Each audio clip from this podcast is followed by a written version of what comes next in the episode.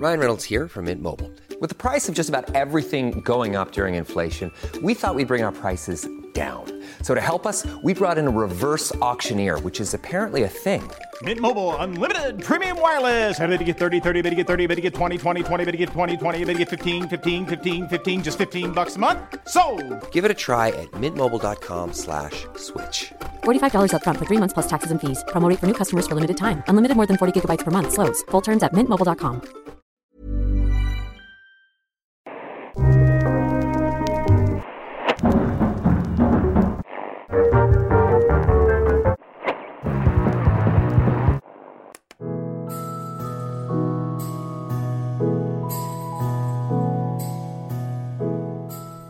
This was the year that was not the year I repaired the bathroom tap and emptied out the kitchen drawer of a lifetime's worth of crap.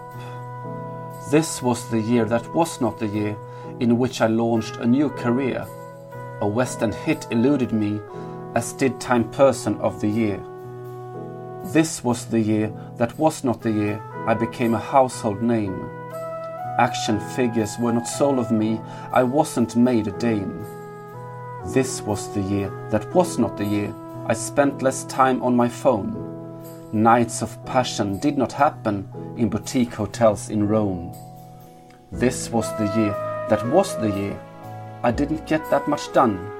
Much the same as the year before, much like the one to come.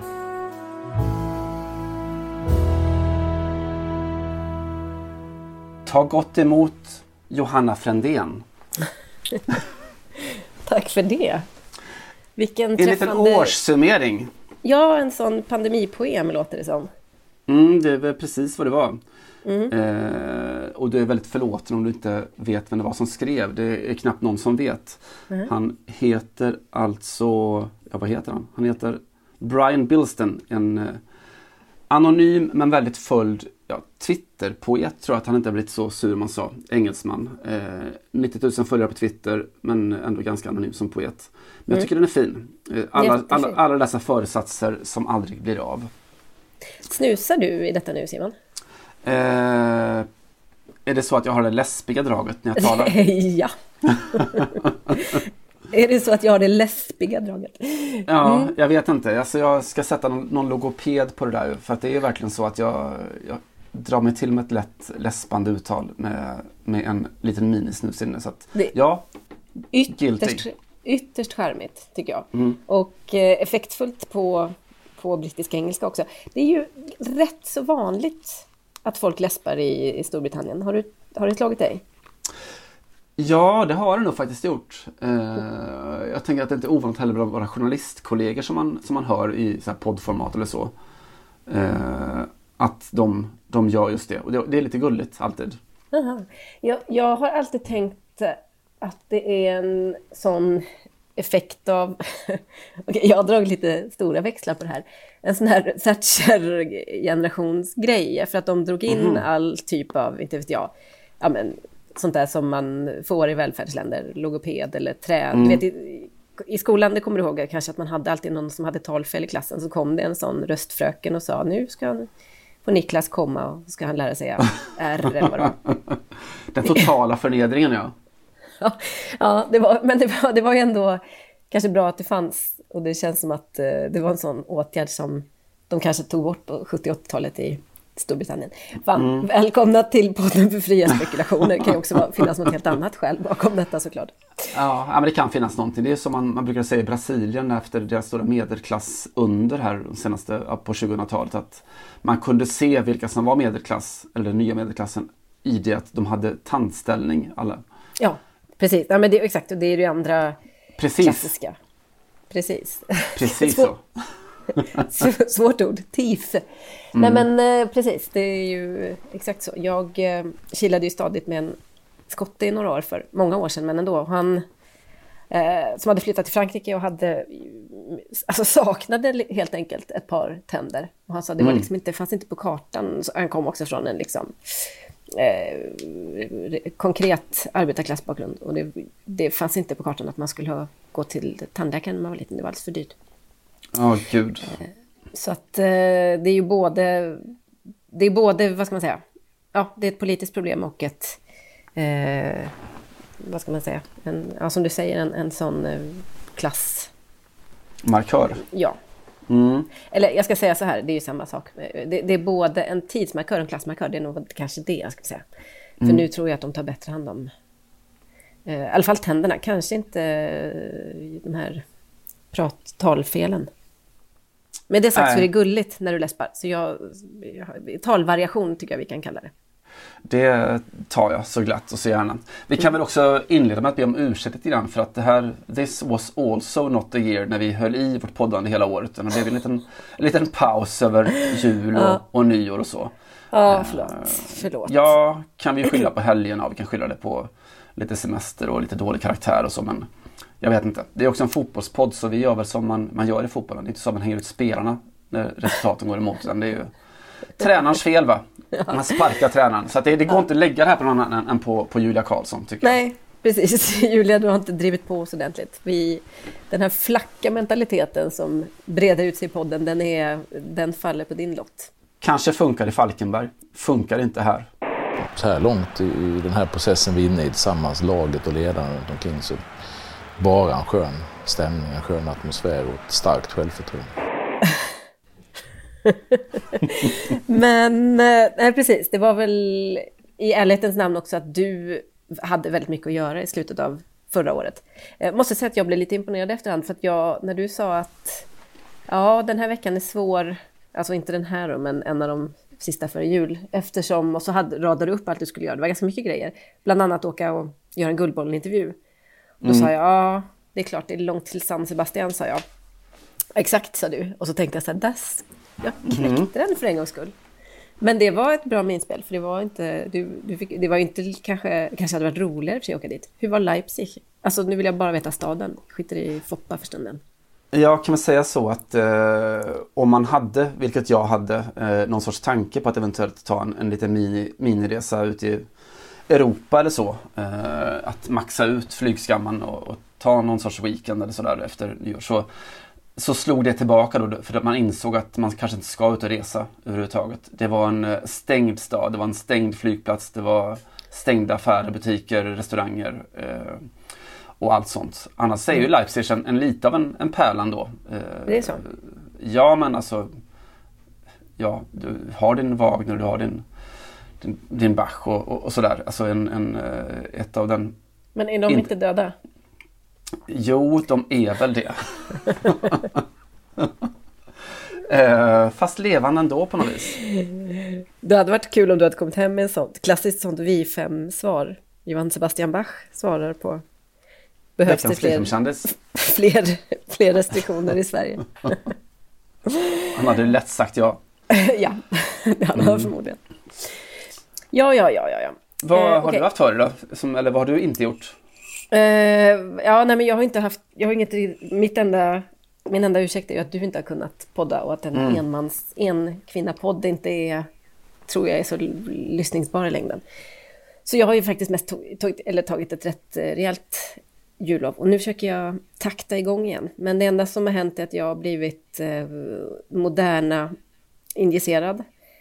Dos 3 som höll på att ta koll på mig eh, känner en otrolig sympati för alla antivaxare helt plötsligt. Känner att det, är det det här vi ska gå igenom i, inte vet jag, en gång i halvåret framledes så kanske jag hoppar av.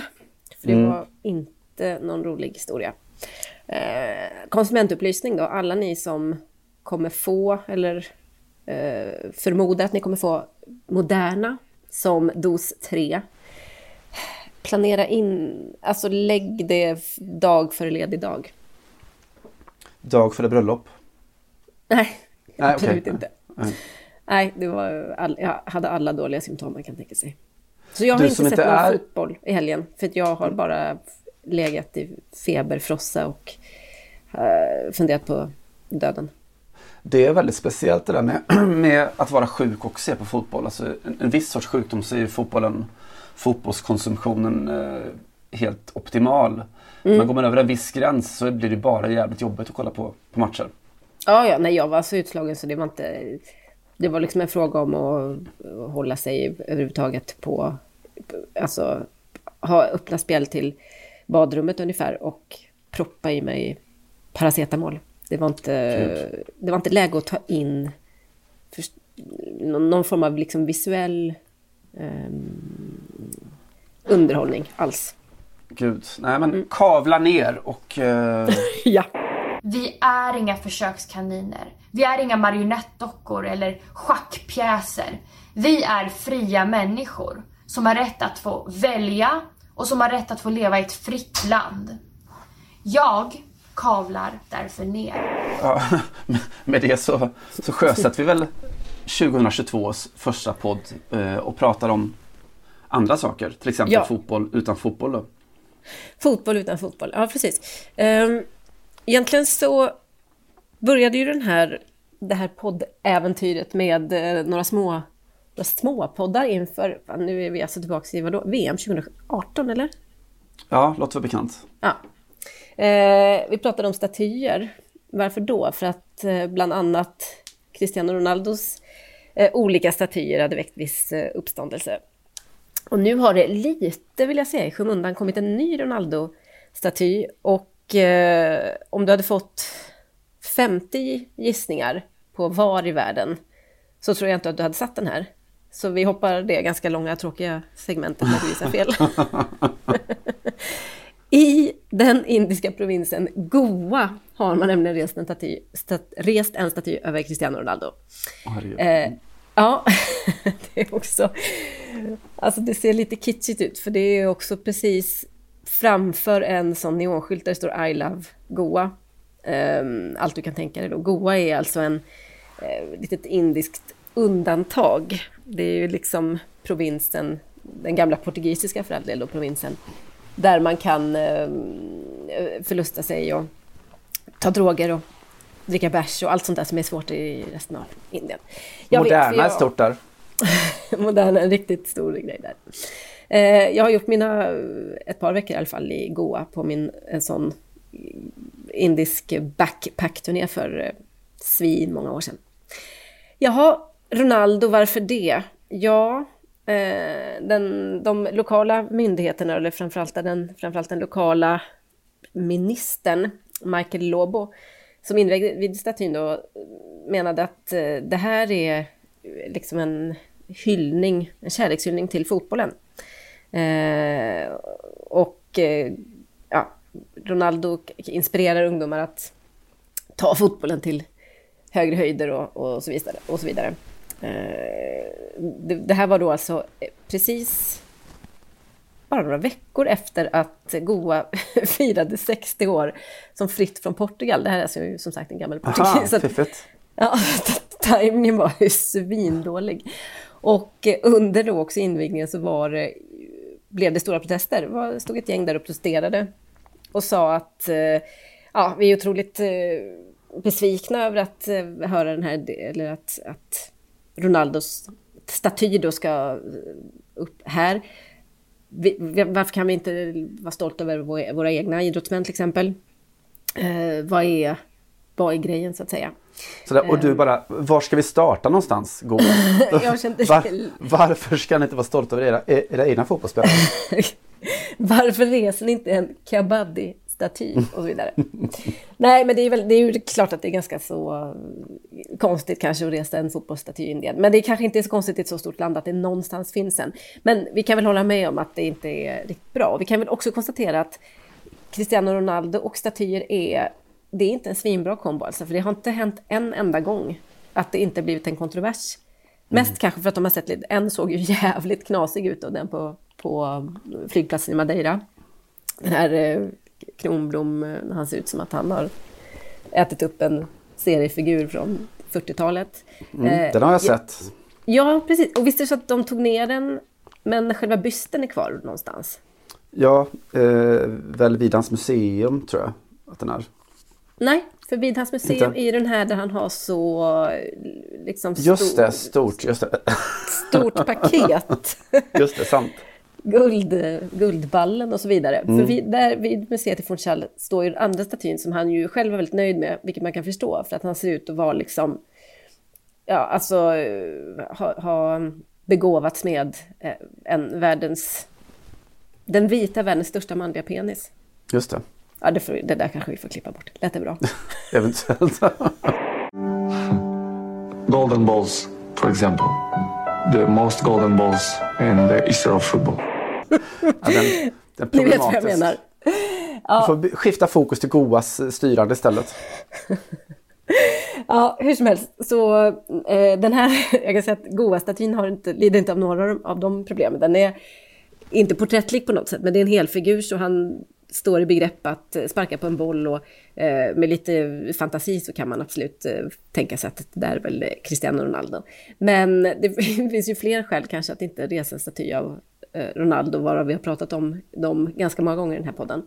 Eh, det, det var ett jäkligt märkligt eh, initiativ. Eh, för att han är portugis också och för att Goa faktiskt frigjorde sig från Portugal då, och att det nästan sammanföll med att man firade 60 år från detta. Men eh, hur som helst, nu står den där och eh, vi kan väl bara säga att nästa person i lyssnarskaran som åker till Goa, åk dit, ta en bild och skicka till oss. Vi vill gärna ändå ha, se den. Jag måste också... Eh, jag tar det här väldigt mycket på uppstuds eftersom jag inte riktigt eh, var, var, var införstådd med att vi skulle till Goa. Att jag har ett, eh, ett vagt minne av att jag, vi har pratat om Goa förut i, i poddsammanhanget. Eh, och jag har väl för mig att det är BJP styrt, alltså eh, ja, regeringspartiets det kan ju vara daterade uppgifter här men, men eh, alltså höger Modis högerpopulistiska parti kan man säga tror jag styr där. Eller gjorde Ja. i alla fall då. Eh, och det jag minns, som vi kanske inte pratade om då, men jag minns att jag, ja, när jag läste in om Goa då, att de hade, eh, vad hette din, var han president, delstatspresidenten eller vad hette han? Michael Lobo, alltså jag kollade in hans Twitter, det står bara att han är, var någon form av eh, minister, vilket jag antar är inte hela Indien utan att det är någon form av eh, lokal, Minister for Science and Technology. Mm, den titeln. Ja, Alltså jag är ganska... Goa det, det, Government, ja exakt. Eh, det klingar bekant, till och med namnet Michael Lobo. Om det inte var han, det var i alla fall den som styrde då, som hade motsvarande tjänst då för, säg två år sedan. Som jag vet argumenterade för, eftersom våldtäkt är ju ett, eh, ett enormt samhällsproblem i, i Indien. Eh, som argumenterade för att våldtäktsmän, de borde man inte sätta i fängelse, man borde hänga dem offentligt på idrottsarenor. Eh, det skulle Jaha. finnas en liten kittling om det vore samma, Ja, verkligen. samma styrande. Herregud. Är det vi som ska åka till Goa och ställa honom till svars för sitt Jag kan- eh, hycklande? Jag kan se det hända, någon måste. Bra Simon att du har. Vi får... eh, Vi bara, jag, jag tror att den, den enda i lyssnarskaran som kan ha invändningar är kanske Suyai-Dutt. Hej på dig Mm. Suyai. Eh, ber om ursäkt för vår dåliga, eventuellt eh, svaga uppdatering på Goa-fronten. Men eh, så ligger det till i alla fall. Det kan ju vara att det här är vintern när vi radikaliserats hårt. Vi har blivit antivaxare och vi säger fuck till research. Vi går på feeling. Så kan det vara. Så gör vi. Eh, jag tänkte som sist i klassen eh, blicka bakåt ett år och minnas tillbaka till den stora, omskrivna, debatterade, diskuterade och analyserade stormningen eh, för ett år sedan. Du minns antar jag? Ja, men nu... Någonting i din röst avslöjar att du inte tänker prata om Kapitolium. Jo. Mm. Eh, Kapitolium tänker ju folk va? Eh, Ja. Konspiratoriska tokkattar och schamaner och trumpister eh, som stormade demokratins kärna i Washington. Men det är inte det jag tänker på. utan Jag tänker lika mycket på att Marseilles Olympique de Marseilles träningsanläggning stormades också i januari i fjol. Eh, La Commanderie. Just det. Eh, ett, det gick ju dåligt för OM då så att det var ett hundratal ultras som stormade in och brände bilar och smällde av pyro. Och ordnade skador för ett par miljoner kronor och var så här allmänt hotfulla. Eh, stred mot dålig styrning av klubben och dåliga resultat. Eh, Just det. Någon av spelarna fick gå ut, var det inte så? Och försöka lugna Paj- massorna. Payet bland annat var ute och pratade med om såklart. Eh, den nye Dimitri Payet.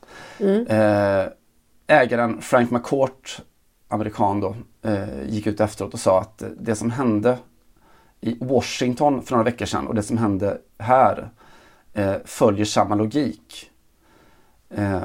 Några få som startar ett inferno av åsikter och förolämpningar och hot som förstärks i sociala medier som skapar förutsättningarna för våld och kaos.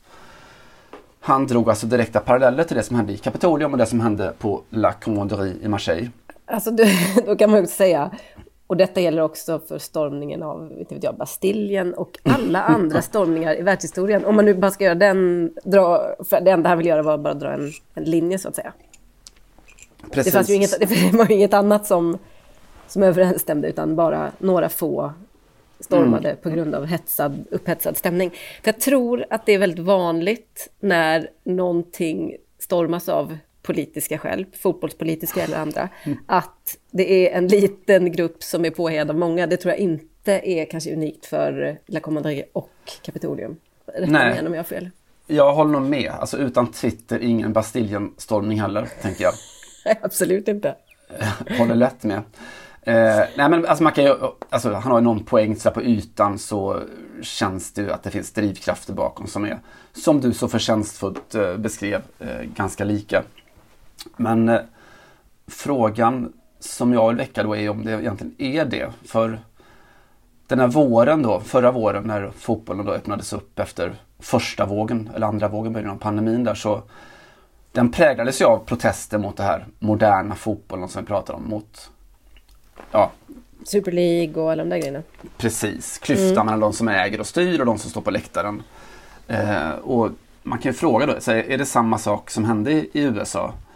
Eh, ja, det var det ju och nej, det var det ju inte. Det var ju folkliga protester på något sätt i båda fallen då som har sitt ursprung i någon, jag vet inte, här, känsla av att någonting är på väg att gå förlorat. Att det var bättre förr. Eh, make Marseille great again grejen liksom. Ja. Uh, har väl visat sig om man nu ska vara, alltså nu är inte jag en sån som kommer säga det här är folket och det här är inte folket, men om mm.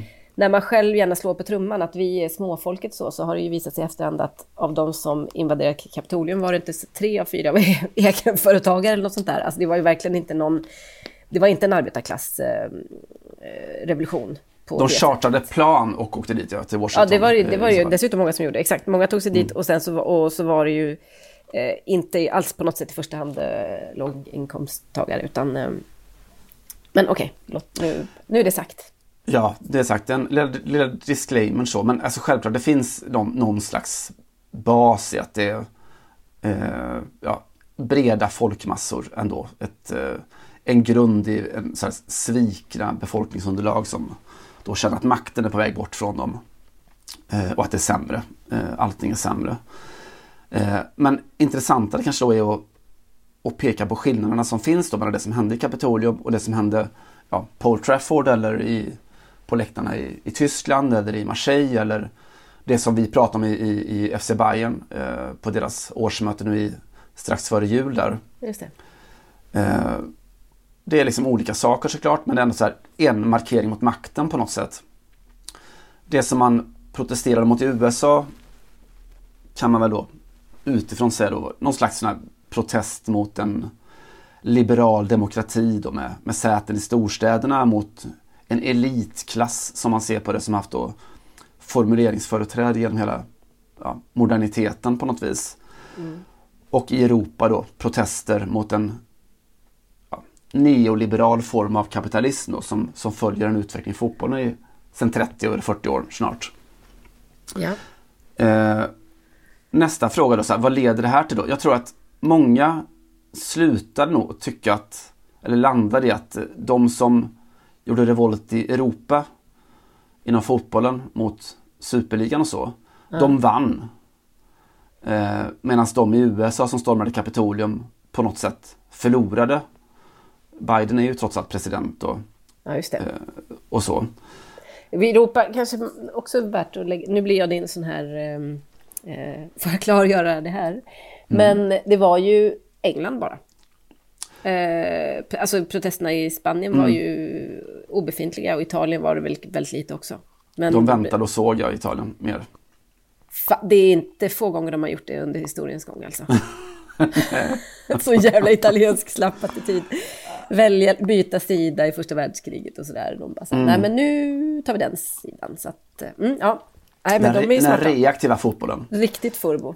Mm, verkligen. Machiavelliskt och så. Eh, men alltså jag tänker så här med ett års eh, perspektiv att det skulle ju faktiskt lika gärna kunna vara precis tvärtom då. Det som man såg i USA var ju ändå ett konkret hot mot ja, status quo om man säger så. Alltså ett, ett möjligt steg bort från demokratin eller ja, avsätta en president, hänga en talman eh, och så vidare.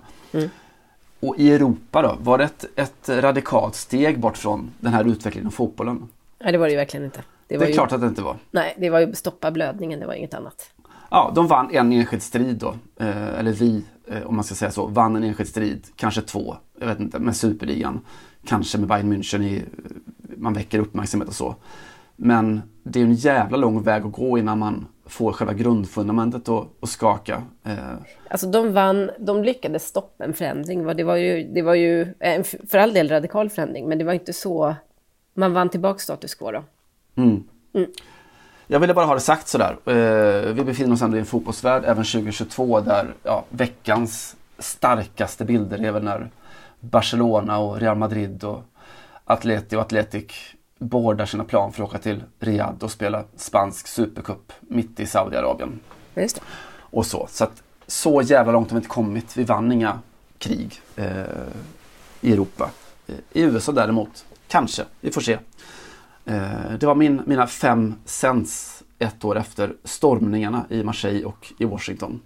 Jag eh, instämmer i detta. Det kan väl också vara så att eftersom 40 procent läste jag av amerikanerna, alltså nu pratar vi om hela väljarbasen, tror att eh, det var valfusk som gjorde att Biden vann. Och då är det ju mycket högre hos eh, republikanerna, då är det 70-80 procent kanske. Så eh, finns det ju skäl att tro att det kommer, alltså där kom, det, det, det, är ju, det finns ju någonting mer proaktivt i den kampen, så att säga, hur galen den än är. Nu är ju vi i och för sig nyutkomna antivaxare här, så vi kanske ska... Soli, Det stänger inga soli, dörrar. solitari, soli, vad heter det? Eh, eh, ler oss med dem. Jag kavlar därför ner. Men medan eh, det finns inget som tyder på att eh, europeisk fotboll går åt något mer demokratiskt håll. Faktum är att jag såg att eh, Atletico Bilbaos Roal Garcia hade- sagt att han inte ville, tyckte inte det var någon bra idé att spela Supercup i Saudiarabien. Varför ska vi göra det? Det är en spansk cup. Eh, Ja, jag tyckte också om det. Att det var utifrån, utifrån de perspektiven att eh, det är något fel för vi, fotbollen ska vara lokal eller Ja. eh, den är, supportrarna är viktiga, därför borde spelarna i Spanien. Alltså inte utifrån att Saudi är en, en skurkstat som avrättar oliktänkande eller, Nej, eller men jag menar, det, kvinnor och så. Nej, men alltså det finns ju, det finns faktiskt olika perspektiv på det. Och det tycker jag är, och då tycker jag, och jag som, som spelare kanske det är lättare att landa, det kanske är lättare också att eh, eh, bottna i den känslan. Vi borde spela framför våra supportrar på hemmaplan, punkt. Så slipper man ge sig in i och läsa på och bli en liksom politisk agitator för eh, ja, mot, mot diktaturer och så vidare. Att det bara kanske är så enkelt. eh, Att det kanske är utgångsläget, eller vad ska man säga, första, det, det mest primära skälet egentligen till att inte Absolut. lägga den där. Jag tycker man, man kan tycka att det är svagt i alla fall om det då är 40% eller hälften av amerikanerna som tycker att valet var stulet. Och de har tog sig så pass långt i alla fall in i maktens kärna och skakade om rejält och på allvar och har ännu inte förlorat. En motsvarande gallup i fotbollsvärlden i Europa hade väl sagt att det gett vid handen att eh, säkert mer än 50% av fotbollssupportrar skulle skriva under på att fotbollen har stulits från dem. Men eh, ja, vi slopar en, skrotar en superliga temporärt. Det är vad vi har lyckats med så här långt. Vi är rätt dåliga på att föra krig kan man säga. Ja, det är verkligen sant. Eh, jag, jag ser liksom två skäl till det. Det ena är väl att fotbollen trots allt kanske inte är lika viktigt som vem som... Som att demokratin överlever i, i USA till exempel. Om man nu är övertygad om att det varit valfusk. Så det är kanske ett sundhetstecken att man engagerar sig pyttelite mindre i det. Eh, och sen kanske också det faktum att ehm, i ett sånt fall som det amerikanska valet så är det ju så tydligt. Det var ju förlorarna som gjorde uppror, om du förstår vad jag menar. Mm, mm. Ehm, i, I europeisk fotboll blir det ju där så komplext. Du kan ju stå där och bli, vara sur, men du, kan, du vet ändå att din klubb har vunnit, tjä- tjänat jättemycket på eh, de senaste årens liksom hyper eh, kapitalisering av Mm. fotbollen. Så att det är lite svårare och det är en annan, eh, kommer in en annan aspekt där va? Sant, förlorarna Mm. hörs inte alls på samma sätt. Nej, precis. Egentligen, exakt. För de som borde stå där och gasta kanske är, eh, inte vet jag, Stokes supportrar. Eller kanske ännu ner, man kanske ska ner i lägre i systemen. Lerdala IF. Millwall tänkte jag, men ja. om du vill så. Om du om vill du så. vill. Mm. If the shoes fits. Du, apropå förluster tänkte Ja. jag prata om en sån. Eh, Ja. En liten radioövergång så att säga. Mm. Eh, jag skrev för några år sedan en eh, ganska intern krönika, mediekritisk krönika eh, om det som heter AIPS, eh, det internationella sportjournalistförbundet. Mhm, minns jag. Du, du Mm. gnällde på att de la- förlade sin konferens i Qatar, var det inte så? Det var i Arabemiraten, i Dubai hade de sin Ah. konferens. Ja. Eh, De hade, det var första gången någonsin som de skulle dela ut ett stort internationellt, eller det första stora internationella sportpriset då till sportjournalister. Eh, hyllat dem som gör ett gott värv inom sportjournalistiken. Eh, och jag tyckte väl att det fanns något sinnessjukt att man gjorde just det i just Dubai. Eh, I en tid när den viktigaste kanske frågan att granska för en sportjournalist är eh, Qatar eller Arabemiratens intåg inom toppfotbollen. Mm. Det tyckte då inte AIPS utan de, ja, de eh, gick in i samarbeten med Arabemiraten. De gick in i samarbeten med kinesiska kommunikations, alltså statliga kommunikationsbolag och så. Mm. Eh, och det var ju ingen stor överraskning eftersom AIPS som är de då får man väl eh, ha grundkurser. Det är de som då skickar ut eh, internationella presskort till exempel till oss Nej. sportjournalister. Jag är medlem, du är väl också antar jag? Jag är medlem också, för man måste vara medlem annars så kommer man inte in någonstans. Eh, men att det är en organisation som präglats historiskt och eller fortfarande i hög utsträckning av pampgubbar som eh, vill äta sina bufféer och hänga med högdjuren som de kanske egentligen borde granska. Ja, just det. Jag vill bara berätta en anekdot. Jag kom in på Mm. mitt AIPS-kort på LUC-palatset en gång. Och Det var, li- ja, det var lite skakigt. De tittade bara, vad är det här? Jag bara, ja det är ett presskort. De bara, sportjournalistpress. Jag bara, mm. De var välkommen. Alltså i och för sig rimligt eftersom eh, Élysée-palatset är dit som eh, franska landslag hämtas in efter de har gjort fiaskon i, på olika sätt. Exakt. Just då. Mm. Jag vet att innan jag skrev den här texten eh, så mejlade jag till en, eh, ja, den, jag tror man kan säga, den viktigaste pionjären som finns då, eller fanns i vårt skrå. Andrew Jennings heter han. Eh, för att veta vad han tyckte om AIPS. Eh, och Andrew Jennings är då, för de som inte vet då, den, den journalist som granskade och fällde på många sätt då, eh, både IOK och sen Fifa när ingen annan orkar med att göra det tunga jobbet. Eh, han begärde ut handlingar och dokument och han pressade pamparna och presidenterna och han drog ner brallorna på alla de här stora inom idrotten. Oavsett om de var Blatter eller Teixeira eller Avalanche IOK. Eh, Oerhört, oerhört tung, viktig journalist eh, med många sådana skalper i, i bältet.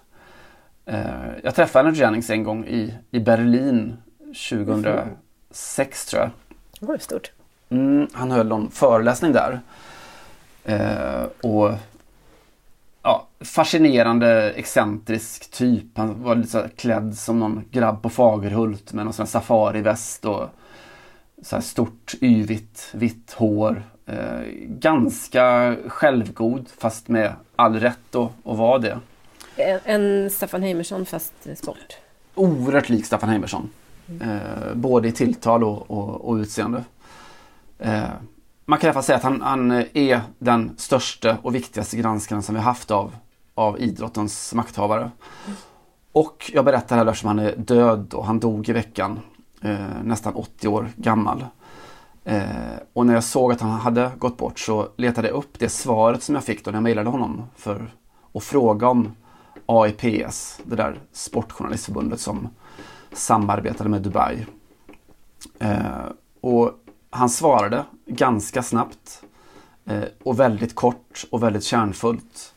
Men svaret var kanske inte det jag hoppats på, men det var en, en dikt i all sin kärnfullhet och enkelhet. Eh, Andrew Jennings hade blivit sjuk då, eh, men han orkade från sjukhussängen skriva två stycken rader, två stycken meningar. Han skrev så här. Am recovering from a stroke. AIPS is a joke. Fantastiskt. Visst är det. Han kommer fattas oss och saknas oss. Eh, och jag tycker att det är ett namn som man ska känna till om man intresserar sig för den moderna idrotten. Andrew Jennings finns inte längre. Bra. Mm.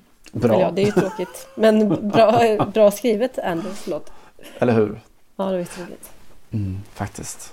But I never lost uh, any faith in the story. I knew they were corrupt. I knew that FIFA was a bunch of scoundrels. And so you go on investigating. Ja, ja. Vi eh, får räkna in våra förluster och en... Eh, jag vet inte om vi ska räkna in en, inte en förlust utan snarare en vinst, men en, en fotbollsförlust för några år sedan. Svinkrånglig på till något helt, jag ska säga något helt normalt. Så att eh, vi bara drar ett streck över det så här. Fabio Contrao, Mm. eh, Simon. Vad, vad är det första du tänker? Eh, frisyr tänker jag mycket på. Alltså, Ja. ytterback och eh, en väldigt aktiv frisör med blekningsmedlet. Just det. Eh, jag brukar alltid tycka att han ser ut lite som min mamma. Eh, Mm. Ja, det, har, det håller du med om. Eh, samma hår och lite samma attityd och så vidare. Ja. Hur som helst. Alltså inte alls lika söt och attraktiv som Tyra, vill jag ha sagt. Anywho. Eh, det kanske var några som såg häromdagen, nyheten swishade förbi kan man säga, eh, att eh, Fabio Contrao sedan han då la ner karriären efter bland annat två Champions League-titlar med eh, Real Madrid och en eh, jävla massa landskamper med Portugal och så vidare, har gått och blivit eh, agent. Nej, det har han inte. Han har inte blivit tv-expert. Han har heller inte investerat i dammsugarmunstycken. Eller vad fan folk brukar göra efter eh, karriären. Eh, han har eh, blivit fiskare. Mm. Detta var drömmen hela tiden. Och eh, numera så hittar man honom i eh, kusten någonstans utanför Kai, Kaishana. Ska göra en snabb googling och kolla exakt var det ligger. För det missade jag. Nej, det kan inte Google svara på. Vi kan slå fast att det är utanför Portugals kust. Och Portugal har väl i, främst en kust, om det inte är nere på Algarvekusten. Så att eh, vi är någonstans ute i Atlanten i alla fall här. Ehm, så här lite grann låter det. E a minha vida toda foi. eh, Sempre que tinha aquela folguinha, sempre que estava de férias, a minha vida era. Era o mar. Era o mar, era pesca. E claro, sabia que o futebol um dia iria acabar, teria que seguir outro rumo na minha vida e, e a minha felicidade passa por esta terra, passa pelo mar e obviamente que sendo assim quero seguir esta vida. Min lycka är den här marken och det här havet. Eh, och det här är precis det livet jag vill leva. Säger Contrao om eh, livet som fiskare. Eh, han investerade, köpte en fiskebåt redan under åren i Real Madrid, så det här var så att säga den långsiktiga planen. Och någonting i det här inslaget gjorde mig oerhört glad och väldigt... Eh, jag bara fick en sån enorm myskänsla över det här eh, yrkesvalet. Att det faktiskt är en möjlighet. Ska vi väl inte låtsas som att han inte förmodligen går in med det här som entreprenör och för all del vill tjäna lite pengar på det. Men vi kan konstatera att det hade funnits, vad ska jag säga, mer, kanske mer attraktiva vägar att gå. Eh, en enorm ikon såklart i Portugal och gissar jag med, med eh, erbjudanden som står som spön i backen. Vad fick du för eh, känsla? Ja, men alltså exakt samma och man tänker ju, det är svårt att inte koppla ihop det där med adrenalina, ångesten inför livet efter fotbollen. Ja. Eh, Förstår du hur bra det här valet hade varit för Zlatan? Ja, alltså han, han är ju en jägare redan ju. Ja, ja. Eh, Han, fiskare känns- också. Fiskat har han väl gjort sen Ja, han var... Det var sant. väl där det började, sen han var eh, 15 i Malmö liksom. Det finns något ro- rofyllt över det ju. Eh, och också, man pratar om eh, problemet, alltså att, att ersätta en fotbollskarriär eh, är ju adrenalinet just då. Alltså dö, eftersom det är som Zlatans bok heter. Ja. Att det är det som är så svårt att ersätta. Jag tänker mig att dra upp en stor jävla barracuda eller så. Eh, kanske kommer i närheten ändå. Ja, nu kanske vi okej, ska vara lite realistiska. Att det är mer kanske inte att de åker ut 15 man och försöker få en fisk, utan det är lite mer, lite mer storskaligt än så. Industriellt är det. Du fick lite den här den gamla havet-känslan. Han sitter där ensam och så bara får en jättenapp och så. Vem, vem ska vinna kampen? Jag vill ju tänka så. Ja, det vill jag egentligen också. Men jag tycker bara, alltså det är ju någonting med att skita ner sig på det här sättet som är både faktiskt, för en gång skulle både bildligt och bokstavligt talat. Eh, och stå i den här lukten och eh, anställa det här, de här ungdomarna, han pratar mycket om det också, att jag anställer mycket ungdomar som, som ja, till båten helt enkelt, eller till eh, fiskerinäringen. Och eh, att han befinner sig i den här eh, miljön. Ja, det, det fick mig direkt att, eh, och helt osökt att tänka på, inte helt osökt då, eh, svenska herrlandslagets yrkesdrömmar sett från ur deras liksom eh, pärons eh, ögon för några år sedan. Det kan ha varit inför VM 2000, ja det var nog VM 2018 som vi gjorde en eh, ganska stor rund, rundringning och pratade med någon i närheten av alla spelare i herrlandslaget. Eh, och eh, på, på frågan då bland annat vad hade Emil blivit om han inte hade blivit fotbollsspelare? Eh, och minns du det Simon, att de svaren var så lite överraskande för det var, de var så jordnära på något sätt. Det var väldigt mycket eh, han hade nog stått i butik eller jag tror att Emil Forsbergs pappa sa att han hade nog varit arbetslös, vilket inte var så snällt. Jag tror att det kan ha varit Marcus Rosenbergs pappa faktiskt. Paul, Paul Rosenberg som, som sa så. Eh, Det har han ju nog sagt tidigare också. Eh, men det, var, det var väldigt mycket så. Egentligen den enda som stack ut var ju, och kanske inte så oväntat, var ju Albin Ekdals pappa då, som de flesta känner till, Lennart Ekdal, som sa något i stil med att han hade förmodligen haft en, eh, ja, en, en examen och inte vet jag, jobbat med som var det var jurist eller ekonom eller någonting sådär. Eh, men att det var en väldigt eh, trivsam och eh, väldigt så, återigen, jordnära tillbakablick på hur, vad, ja, hur mycket fotbollen kan förändra helt enkelt. Och att det inte liksom är, bara för att man är jättebra på fotboll så behöver inte det betyda att man, att eh, i alla fall ens, ens familj, att bara, tankarna bara svindlar iväg och man tror att det, han har blivit, inte vet jag, bäst på allt. toppadvokat eller eh, skjutjärnsjournalist eller eh, raketforskare eller vad det är. Det var ingen som svarade oskuld. nej, det var, nej det, var, det var upptaget av Peter Crouch va? And you were asked in an interview, what would you be if you weren't a footballer? And you replied, A virgin. Men Man tycker om det väldigt mycket. Alltid när man så pratar om eh, de som landar på fötterna efter karriären och så. Jag brukar tänka på Erik Carrière, om ni kommer ihåg honom. Mm. Gammal, eh, han var väl landslagsmittfältare i alla fall ett par år under tidigt 2000-tal och stod framförallt i Nantes, gick till Lyon sen eh, och ett par klubbar till efter det. Hans, efter karriären så ägnade han sig väldigt mycket åt det som han redan under karriären brukade göra väldigt, väldigt frekvent. Han plockade svamp och det fanns något i det där som jag tyckte också var så oerhört kontrastfint. Ja. Ja. Eh, att tända av med att gå ut i skogen och plocka svamp. Jag att Kanske se svårt att ha som andra. jobb i och för sig.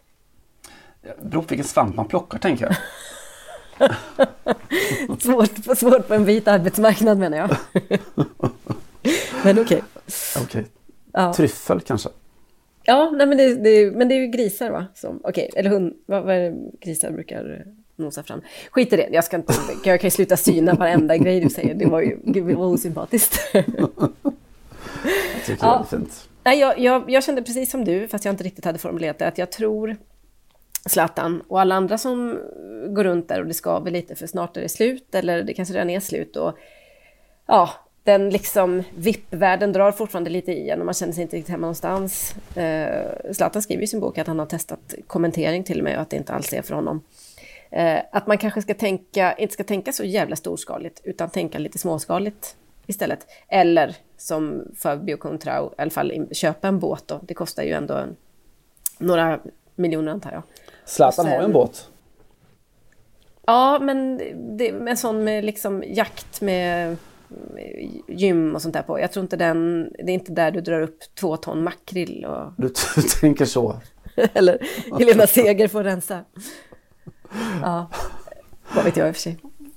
Ehm, nej men att det hade kunnat vara, jag, jag, jag tror, nu säger jag vad jag tror, att många fotbollsspelare skulle må bra av att ägna sig åt någonting eh, konkret och eh, manuellt kanske helt enkelt. Dels för att det är Eh, ett, en jättebra sysselsättning eh, generellt. Det vet alla som har en eh, trädgård eller vad ni vill, att man blir alltså vän i sinnet av att få arbeta med sina händer. Men också för att det jag tror att det som de flesta saknar efter karriären är det är inte jobbet som sådant, eller ja, uppdraget som sådant, utan det är en struktur. Liksom. Någon, en tid som man ska infinna sig någonstans och en, um, konkreta uppgifter och inte, och inte behöva fatta en massa beslut på liksom, daglig basis, utan ha en eh, rutin att följa. Eh, och då tror jag allt sånt som har med eh, fiske eller naturen överhuvudtaget att göra är bra. Det är väl talat, men låt oss nu odla vår trädgård. Ja, exakt så. Precis där har du mig. Mm. Ja, han skulle Zlatan kunna också fråga sin, eh, sin eh, tvilling, sin landslagstvilling Andreas Isaksson som ju i en sån här episk porträttintervju för många, många år sedan eh, i Faktarutan efteråt fick frågan om sin hobby och svarade fiske. Och sen fick han frågan gillar inte kolon fisk. Just det. Fantastiskt. Ja. Eh, Contrao, gillar han fisk? Det gör han säkert. Bacalao eller så. Ja, absolut. Det är väl obligatoriskt i Portugal antar jag. Jag tänker det. Ja. Eh, jag började med lite poesi. Jag fortsatte med Andrew Jennings poesi och jag tänkte avsluta med lite poesi också. Eh, och berätta berättelsen om FK Tosno. Eh, Tosno, en liten, liten håla ett par mil söder om Sankt Petersburg. Där du väl inte var i somras va? Under Det EM? var jag inte. Har aldrig varit i Ryssland ännu. Oj, vilken lucka. Mm. kan vi kalla det. Mm, eh, det kanske kommer. Eh, ja, vad har vi Snart dit? hör vi väl till Ryssland så att då kanske man får... Det är enda, vinning, enda vinningen med det. Har det varit Ryssland? Jag bor i Ryssland. Vem hinner jag först? är från Ryssland. Vem hinner först? Putin eller Johanna? Putin eller Putan? Hallå där. Eh, hur som, det är, det är ganska nära oss va? Vad kan det vara? En, eh, under 100 mil fågelvägen tror jag. Eh, och fotbollswise då? Jo, 2013 så fick de ett fotbollslag också i Lilla Tosna. Eh, FK Tosno bildades 2013. Gick väldigt bra. Någon sån här oligark eh, bakom sig och eh, gick som tåget i kuppen till en början och slog ut flera storlag och vandrade upp genom seriesystemet. Eh, 2017, fyra år efter att de hade bildats, så var de klara för ryska Premier League. Eh, och 2018 tog de sin allra första titel. De vann ryska kuppen. Och sen efter det så gick det väldigt fort allting. Eh, det vände ungefär lika snabbt eller ännu snabbare. Då när de hade vunnit kuppen och då kvalat in till Europa League samtidigt så uppdagades det att de hade missat att eh, lösa sin ja, någon form av Uefa-licens som krävs för att spela internationellt. Mm. Så, så de fick inte spela Europa League året efter. Det är, det, det är lite som att jag glömde boka Globen Det, det är väldigt mycket Så himla seg stämning på sekretariatet i Tosno. Han som hade det på sitt bord och bara... Det var det missade jag på listan. Ja, det är enkelt till Gulag på den. Ja, det, det är väl sällan tur och tur till Gulag. Jag vet inte. Raskolnikov kanske. Jag vet faktiskt inte. Boken slutade innan det va, tror jag. ja. Eh, ja. Eh, sen så gick det ännu snabbare utför. Någon vecka efter då den missade elitlicensen så blev de av med sin, även sin ryska elitlicens då för de hade stora skulder. Eh, så de blev tvångsnedflyttade i tredje divisionen igen. Och sen ganska precis då fem år efter att klubben hade bildats så drog sig ägaren ur och upplöste hela klubben. Mm. Eh, FK Tosno fanns alltså i fem år. Eh, han med tio tränare under den tiden, sex landslagsmän, en kupptitel, eh, två uppflyttningar och två nedflyttningar. Och sen försvann de. Och tre år senare så berättade jag det här i Sveriges mest radikala fotbollspodd. Och varför då då? Jo, för att det har kommit till min kännedom att eh, FK Tosno fortfarande finns kvar på Twitter. De har sitt officiella Twitterkonto kvar fortfarande. Inte så många följare, eh, ett par tusen eller så. Eh, Men varje dag sedan klubben upplöstes så har något då geni, kanske samma eh, kvinna eller man på sekretariatet där, eller på kansliet, eh, gått in på Twitterkontot eh, och skickat ut en enda tweet varje morgon. En enda mening Från, från Gulag. från Gulag. Eh, meningen lyder så här. Idag hände ingenting. ja, det är bra. Ja, visst är det bra? Jag Ja, det är så tänker, Samuel Beckett var ju en cricketkille men om han hade gillat fotboll så hade han gillat FK Tosno. Det är jag säker på. Alltså det var det ryskaste jag hört faktiskt. Och det är med det bästa ja, nej, det var otroligt bra. Vi håller på Tosno, det jag säga. Fotbollny. Radikal. All right. Ja, vad fan. Vi får, ni får ha överseende med att vi är lite eh, ringrostiga i... Eh, det är nästan en månad sedan vi spelade in, så det är inte så konstigt. Mm. Eh, vi kommer göra som FC Tosno, vi kommer snabbt stiga i graderna. Så får vi se om det, vi är på väg ner i vår igen när vi ska ta sommarledigt. Då kanske vi har relegerats. Men jag känner att vi... eh, The only way is up, eller vad säger du? Simon? Ja, vi ser det som en sån här träningsmatch före säsongen. det här var en riktig träningsmatch. Eh, jaha, 2022. Eh, två stora mästerskap har vi framför oss, minst. Vi har ju eh, damernas EM då såklart som har blivit eh, uppskjutet. Och vi har herrarnas VM som har blivit framskjutet eh, fyra, fem månader av klimatskäl. Eh, inte av pandemiskäl. Så att, eh, det är ju en mästerskapstät säsong vi går in i, eller ett år i alla fall vi går in i. Det är också valår, Simon. Mm. Och hör på det, precis som på mästerskapsfronten, två stora val som intresserar mig i alla fall. Det svenska det. och det franska, såklart. Ehm, här är det fullt eh, sjå med ehm, vilka som ska kandidera. Det här är väldigt eh, konstigt franskt, men det är alltså fyra månader kvar till, till valet. I april ska det hållas. Och eh, några av eh, på förhandsfavoriterna har ännu inte bestämt sig. Eh, Emmanuel Macron har till exempel inte offentliggjort sin kandidatur. Vi kan väl anta att han antar, förmodligen ställer upp. Han ligger ganska bra till i opinionsmätningen i alla fall. Före detta justitieministern, Christian Taubira, eh, säger att jag, jag går och suger lite på det, jag har inte bestämt mig. Det är väldigt mycket Mandiana-stämning över eh, det, det liksom eh, franska presidentkandidaterna just nu. Och, Vad är det? eh, Ka- kanske män? Ja, lite så verkar det vara faktiskt. Eh, Den riktiga veteranen i, i det här loppet är ju numera extremhögerns Marine Le Pen. Dessvärre inte ensam alls på extremhögerkanten, är förmodligen inte längst högerut heller, längre sedan eh, Erik Sibor, eh, en, en jättehögerradikal, har klivit in och han har annonserat redan sin eh, kandidatur. Nu har jag sagt det tre gånger utan att sabba, eller utan att tappar mig. Eh, hur som helst, eh, Marine Le Pen kommer då eh, det här blir hennes, tror jag, tredje presidentval. Och eh, som partiledare då för och som kandidat för det som numera heter Nationell Samling, tidigare Nationella Fronten. Ehm, eh, och de flesta anser att hon, eh, ja, hennes momentum är över så att säga. Kommer inte komma längre än vad hon gjorde i förra omgången 2017. Då hon gick till andra och sista omgången då. Det är ju, man väljer ju i, i två varv eh, i Frankrike i, i alla demokratiska val i princip. Då gick hon upp mot Macron i sista omgången och fick storstryk. Eh, hon, det spekuleras ju mycket i vem som ska ta över efter henne såklart.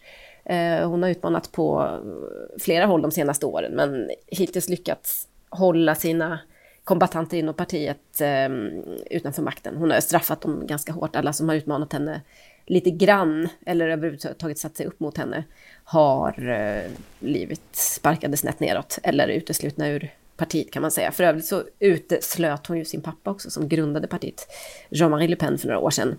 Eh, för att hon ansåg att han blev en belastning för partiet.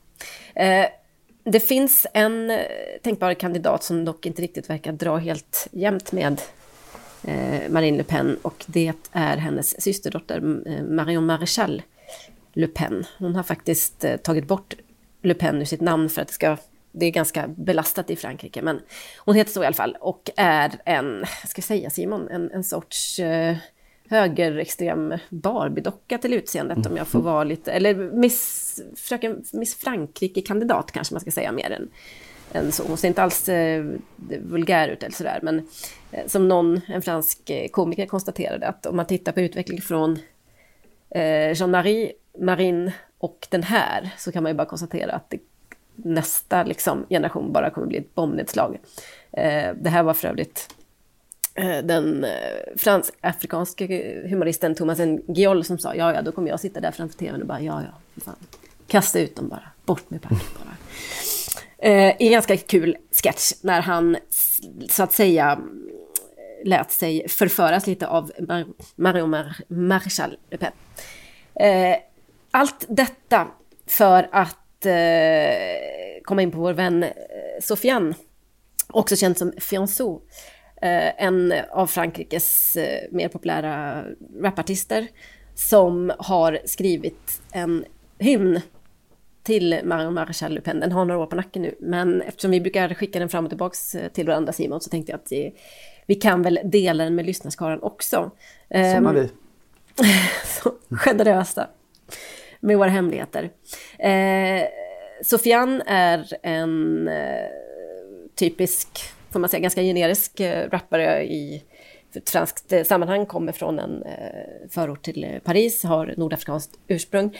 Och jag uppmanar alla att gå in och titta på den här videon sen, för att det, är, det går inte att uppskatta den här låten helt och hållet utan de så att säga visuella effekterna. Det är nämligen så att han är inbjuden till en eh, radiokanal, ett program som heter Planet Rap och har tagit med sig sina, ja, 25 bästa vänner kanske, i, in i studion och eh, där de står och eh, lallar med eller röker på eller bara high-fivar i bakgrunden.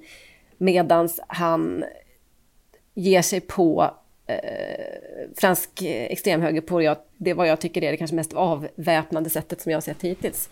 Nämligen en, med en sång till Marion Marshall där han i princip ber henne att bli hans flickvän, jag ska visa dig bondi, jag ska visa dig hur man röker på, vi ska äta couscous. Fan, vi kan åka hem till, du kan visa mig din familj, ni bor ju där i Saint Cloud, din morfar har jag hört talas om, och så vidare, och så vidare. Eh, lyssna på låten, titta på den och dra den för all del ett varv i Google Translate eh, om ni vill, för att den är jätte, jätterolig. Och eh, återigen bland de bästa sätten att kanske bemöta rasism och främlingsfientlighet i eh, ett, eh, i alla fall i, en, i populärkulturen. Och så säger vi väl bara att eh, tack och hej. I natt sover vi över hos Khaled. Eller hur Simon? Varje natt, varje natt. Hem till Mbappés Bondi. Och så ses vi nästa vecka. Ta hand om er. Ciao!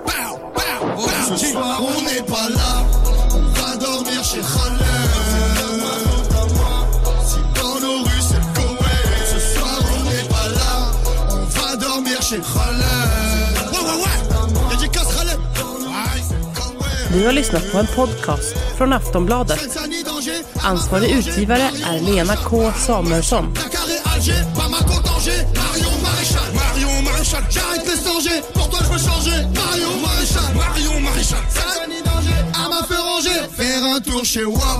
Ton équipage en peut plus, je vais te faire goûter les drames, je vais te faire goûter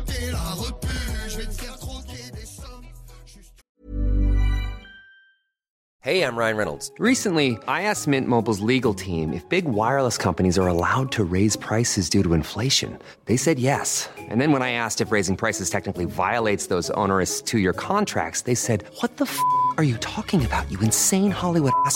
So to recap, we're cutting the price of Mint Unlimited from $30 a month to just $15 a month. Give it a try at mintmobile.com slash switch. $45 upfront for three months plus taxes and fees. Promo for new customers for limited time. Unlimited more than 40 gigabytes per month. Slows. Full terms at mintmobile.com.